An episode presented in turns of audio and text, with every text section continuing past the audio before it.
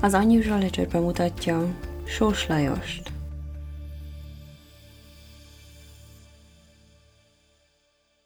Sós Lajos 1943. szeptember 18-án született Tiszaörsön, és csupán négy éves volt, amikor a fölműves szülei felköltöztek Budapestre. Az általános iskolából összesen öt osztályt végzett el, majd ezt követően csavargásra adta a fejét. Nem tartott sokáig, és már 17 évesen börtönbe került lopásért. Az 1960 és 79 közötti 19 évből több mint tizet töltött különböző fegyházakban és büntetés végrehajtási intézetekben, elsősorban vagyon elleni bűncselekmények miatt. Csak később derült ki, hogy már 25 évesen is embert ölt. Sós 1963-ban ismerkedett meg Varga Lászlóval, akivel már jó barátságba kerültek, tekintettel arra, hogy Varga maga is bűnöző volt, ráadásul több alkalommal előfordult, hogy egy börtönbe töltötték az aktuális büntetésüket. A két férfi 1968. februárjában gyakorlatilag egyszerre szabadult a Váci fegyházból, és a következő hónapban egy nagyobb balhé elkövetésén törték a fejüket. Abban mindketten egyetértettek, hogy fegyvert kell szerezniük, ha jelentősebb bűncselekményt akarnak elkövetni, azonban azokban az időkben egyáltalán nem volt könnyű hozzájutni, akár egy pisztolyhoz is, még bűnözői körökben sem. Vargának eszébe jutott, hogy van egy fiatalkori ismerőse, bizonyos Pataki Károly, aki pénzügyőr lett, és az ő szolgálati fegyverét talán meg lehetnek aparintani. A két bűnöző nem is tétovázott sokat. 1968. május 15-én megvárták a munkából hazatérő Patakit a lakása előtt. Varga bemutatta a pénzügyőrnek sóst, és a társaság egy közeli kocsmában iszogatásba kezdett. Egy idő után felmentek az egyre ittasabb Patakihoz, Sós és Varga szinte alig ivott, csak színlelték a részegséget, és a bűnözők megkérték, hogy mutassa meg a fegyverét. Miután a pénzügyőr elővette a pisztolyt egy szekrényből, Sósik már tudták, hol keressék, ha visszajönnek. A terv ugyanis az volt, hogy elcsalják Patakit magukkal sós vecsési lakásába, ahol még tovább öntenék bele az italt, és amikor a férfi elaludt, sós visszahajtott a pénzügyőr angyalföldi lakásába. A fegyver mellett B-42-es Tesla típusú magnetofont is elhozott a szekrényből. Miután sós visszaért vecsésre, a párosnak eszébe jutott, hogy ha Pataki felébred és hazatért, tudni fogja, hogy csak ők vihették el a pisztolyt, ezért új tervet agyaltak ki. A pénzügyőrnek meg kellett halnia. Sós kiment a kertbe, behozott egy kis boltát, és az alvó pataki fejébe vágta, majd a holtesnek gödre tástak az udvaron. Mielőtt eltemették, egy bajonettel levágták a fejét és a lábához tették. A gyilkosok az áldozat ruháit egy régi ismerősnek, Gál Kamilnak adták el, míg a magnetofon ismeretlen vásárló birtokába jutott. Sósék végül a pisztolyt sem használták semmilyen bűncselekményhez. Pataki eltűnését követően féltek a lebukástól és megszabadultak a fegyvertől. Később Sós egy csűrt épített a sírgödör fölé az udvaron.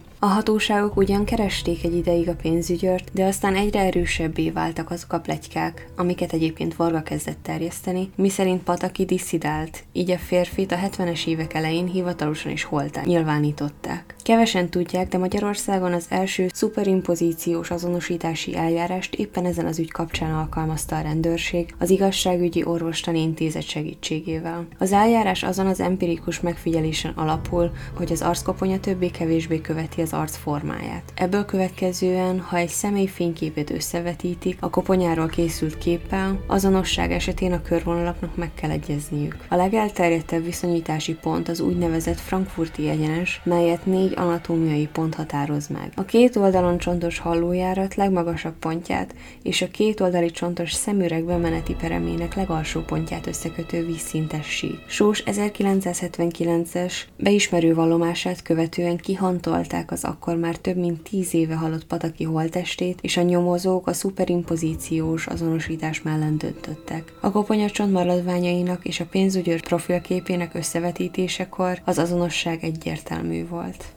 A gyilkosság után tett beismerő vallomása szerint Sós Lajos még 1963. júliusában betöréses lopást követett el egy István nevű munkatársával, melyet követően Varga László azt javasolta, hogy végezniük kell a fiatalemberrel, tekintettel arra, hogy István meglehetősen rutintalan bűnöző volt, és attól tartottak, hogy feldobja őket a rendőrségen. Sós ráállt a dologra, és Vargával együtt Istvánt a Duna egyik kihalt szakaszára csalták, majd a vízbe lökték, és megvárták, amíg elmerül. A források nem részletezik, de valószínű, hogy a férfi nem tudott úszni, és pánikba esve hamar megfulladt. A 16 évvel későbbi nyomozás megállapította, hogy 1963. augusztus 17-én kifogtak egy ismeretlen, a boncolás szerint két hete vízben lévő holttestet a Belgrád rakpartnál, és az is kiderült, hogy Sós Lajosnak volt egy Mokolák István nevű munkatársa, akit 1963. augusztus 1 óta nem látott senki. Azonban az eltemetett holttest kihantolásakor nem találták meg a koponya csontjait, és így a rendőrség nem tudta azonosítani az áldozatot. Ezáltal az ügyészség sem tudott vádat emelni ebben a gyilkosságban Sósék ellen. 1972. októberében Sós Lajos ismét gyilkolásra adta a fejét, Bűntársa ezúttal György József volt, akivel még a Sopron kőhídai börtönbe kötöttek ismerettséget, ahol a 70-es évek elején töltötték büntetésüket. Sóst 1969-ben három év, hat hónapra ítélték a lopásért, fogolyszöktetésért és hamis tanúzásra bírásért. A két férfi minden áron pénzt akart szerezni, és Sós feleségének az ötletére elhatározták, hogy a nő anyjához, Tóth Máténéhoz fognak betörni. Az asszony török Bálinton lakott egy több lakásos házban, és mivel a kiválasztott napon otthon tartózkodott, Zsuzsik végül elálltak a tervüktől. A ház egy másik lakásában azonban egyedül lakott a 65 éves özvegy, Farkas Józsefné, és a páros biztosra vette, hogy az idős nő sok pénzt tart magánál otthon. 1972. október 31-én a török Bálinti házhoz mentek, az udvaron lévő kutyát egy kolbás segítségével elcsalták a kertből, és várakozni kezdtek, hogy Farkasné elmenjen otthonról. Az asszony asszony azonban nem mozdult ki aznap, ezért új tervet kellett kieszelniük. Némi tanakodás után Sós bekiabált neki, hogy az anyósán keresztül a feleségének akar üzenni. Mikor pedig Farkasné kinyitotta az ajtót, a két életerős férfi megtámadta. György József a kájha mellől elragadott piszkavassal ütötte a fejét, amíg el nem ájult. Ezután Sós ráült az asszony mellére, és egy második világháborús bajonettel,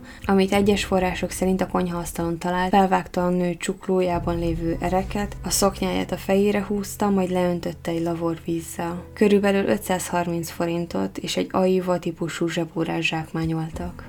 1979-ben Sós Lajos az István kórházban dolgozott gépkocsi vezetőjeként, ahol megismerkedett a szintén sofőr N. Istvánnal, majd összebarátkoztak, és hamarosan együtt követtek el kocsi feltöréseket, valamint különböző lopásokat. Sós azonban továbbra is egy komoly bűncselekmény elkövetésén törte a fejét, melyhez elengedhetetlennek tartotta a fegyver megszerzését. Vélhetően a 11 évvel korábbi pénzügyőrgyilkosság kapcsán úgy gondolta, hogy a legkönnyebben úgy juthat hozzá a fegyverhez, ha egy rendőrtől veszi el azt. Az autókat szerető N. István, aki saját kocsia hiány gyakran vezette sósét, rögtön ráállt a tervre, a pénzből ugyanis saját gépjárművet akart venni. Hosszas tervezgetés után, mert bevonták Sós régi bűntársát, György Józsefet is, úgy döntöttek, hogy a Ferihegy melletti őrhelyen az ötös számú őrbódéban szolgálatot teljesítő rendőrtől szereznek majd fegyvert. 1979. június 23-án Sós és N. István az esti órákban betért a zsúfolásig megtelt Vecsési halásztanya nevű étterembe, ahol összeismerkedtek a gyermeke születését ünneplő Borai Lajossal. Rutinos bűnözőként Sós azonnal meglátta a lehetőséget, és közölte Enn Istvánnal, hogy itt a lehetőség, hogy kirabolják az erősen kapatos borait. Felajánlották neki, hogy hazaviszik üllőre, majd a hátsó ülésen ülve Sós viteldíjat kért a fuvarér. A részek borai ezt megtagadta, mire Sós dulakodni kezdett vele, és elvette a karóráját, valamint 300 forintját. Ezt követően Enn István megállította az autót, és a két rabló kiszállt a kocsiból, hogy könnyítsen magán. Vizelés közben megbeszélték, hogy borainak meg kell kell halnia, tekintettel arra, hogy látta a kocsijuk rendszámát, és nyilvánvalóan őket is felismerni egy rendőrségi eljárás során. Ezután Sós kirángatta borait az autóból, a földre teperték, és Sós rugós késével elvágta a torkát. István közben a saját késével kétszer melbeszúrta az áldozatot, majd a testet egy közeli bokorba rejtették. Miután rájöttek, hogy így hamar megtalálhatják a holtestet, másnap hajnalba visszamentek érte, és tiszta püspöki melletti mezőgazdasági területen próbálták megelásni. Az ásó azonban eltört a köveken és a gyökereken, ezért egy közeli csatorna partfalába hantolták el a tetemet. Ez az eset a rendőrgyilkosság előtti napon történt, és nem változtatott Sós azon tervén, hogy fegyvert kell szereznie. Napokig figyelte az őrbódét, amit a 18. kerületi, az akkori vörös hadsereg útján, a Steinman szobor közelében helyezkedett el, és 1979. július 9-én elérkezettnek látta az időt. Istvánnal és Józseffel együtt éjjel egy óra körül értek Gyulai Károly szolgálati helye elé, de a forgalom miatt még egy órát várakoztak két kilométerrel arrébb. Hajnal kettőkor István az őrbódi közvetlen közelébe kormányozta az autót, a három férfi kiszállt, és hangosan vitatkozva úgy tett, mintha leállt volna a motor. Gyulai Károly, főtörzsőrmester természetesen meghallotta a szitkozódást az éjszakában, és a bajba jutottak segítségére sietett. Mivel sósék azt mondták neki, hogy nincs lámpájuk, amivel meg tudnák találni a műszaki hiba okát, még vissza is ment az őrhelyére, hogy saját elemlámpájával világítson nekik. Mikor visszaért az autóhoz,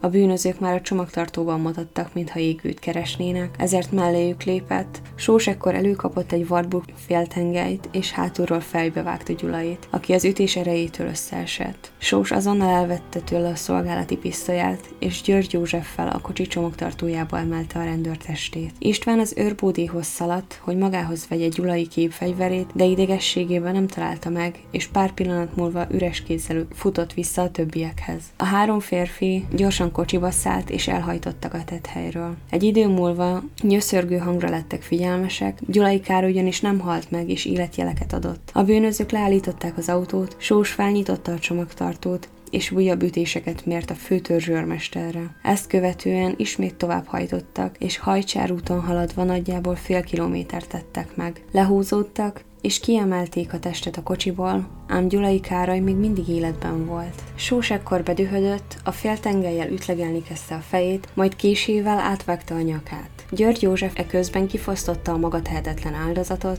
István pedig egy hevenyészet sírt ásott a közeli kukoricásban. A féltengelyt nem messze onnan dobták el, Sós pedig hazaérve kitakarította az autót. A pisztolyt először a gyáli erdőben rejtette el, majd 1979. július 16-án elvitte az Angyalföldi STK rendelőintézetbe, és a félemeleti női mosdóban dugta el. Gyulai Károly eltűnése nem maradhatott észrevétlenül, a rendőrség a kor legnagyobb összehangolt rendőri intézkedése során. Két nappal később megtalálta a főtörzs őrmester elhantolt tetemét a kukoricásban. A nyomozók bordó festék maradványokat találtak a ruháján, és utasítást adtak minden bordó színű autó átvizsgálására. Csak nem 14 ezer járművet állítottak meg az ország útjain, míg végül Tatabánya mellett vált gyanússá Sósnak a kocsia, amit az egyik rokona vezetett, az autó papírjait azonban vecsésen felejtette. A nyomozás során addigra már megtalálták a féltengelyt és a női mosdóban elrejtett szolgálati fegyvert is. Ez utóbbi kapcsán az is megállapításra került, hogy Sós 1979. július 17-én betegrendelésen dokumentáltan járt a rendelőben. A közvetett bizonyítékok alapján Sós Lajos 1979. október 8-án vették őrizetbe. A kihallgatások során először a társai törtek meg, majd ő is beszélni kezdett. Ekkor terültek ki a korábbi elkövetett gyilkosságok is. Sós az eljárás során először dadogással és grimaszolással megpróbált gyenge elmélyűséget színlelni, de az elmeorvos szakértők hamar megállapították, hogy semmi baja, sőt, ismeretei és gyakorlati tudása magasan felülmúlja az iskolai végzettségét. Ezt követően már nem titkolta az igazi énjét. Tetrálisan viselkedett, a gyilkosságokról nevetve beszélt, és azt is elmondta, hogy mivel mindenki úgyis egyszer meghal, igazából nem számít, ha a gyilkos megrövidíti az áldozat életét néhány évvel. Azáltal elkövetett bűncselekmények egy kegyetlen, pénzsóvár bűnözőt rajzolnak elénk, aki lelkiismeret fordulás nélkül ölt meg idős asszonyt, gyereke születését ünneplő apját, pénzügyört és rendőrt, ahogy éppen az érdeke diktálta. A bíróság Sós Lajost és György Józsefet halára ítélte, Istvánt, mivel a bűncselekmények elkövetésének idején még nem töltötte be a 20. életévét, életfolytig tartó szabadságvesztéssel büntette, Varga László 15 évet kapott. Sós 1980. október 1-én akasztották fel. A férfi akasztó árnyékában még megpróbált pálinkát kérni az őrtől és elhúzni az ítélet végrehajtását. Az 1980-as évek büntető törvénye nem ismerte el a tényleges életfogytig tartó büntetést, ezért István 20 évnyi raboskodás után 2000-ben feltételesen szabadult, büntetését pedig 2010-ben végérvényesen letöltöttnek vették. Köszönöm szépen, hogy velem tartottatok ebben a részben is. Jövő kedden új résszel jelentkezünk. Addig is hallgassátok meg a régebbi epizódokat, és kövessetek a többi közösségi médián.